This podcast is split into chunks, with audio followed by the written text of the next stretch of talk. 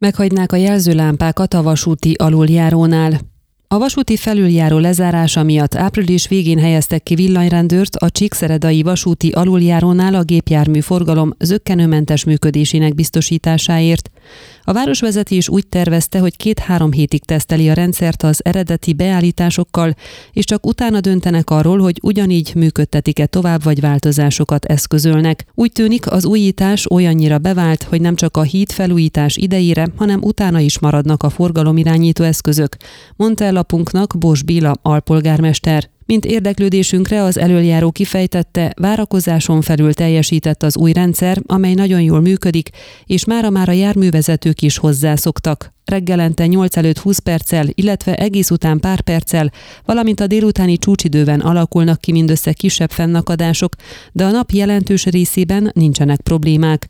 Összességében sokkal biztonságosabbá vált a szűk aluljáró a zöld lámpák által, a balesetek bekövetkezésének esélye pedig szinte megszűnt, ezért döntöttek a hosszú távú alkalmazásuk mellett. Az alpolgármester arra is kitért, hogy a közeljövőben további forgalmi változások várhatóak a városban. A Brassó Brassói út és a Zöld Péter utca találkozásánál megtalálták a megoldást egy ideiglenes körforgalom kialakítására.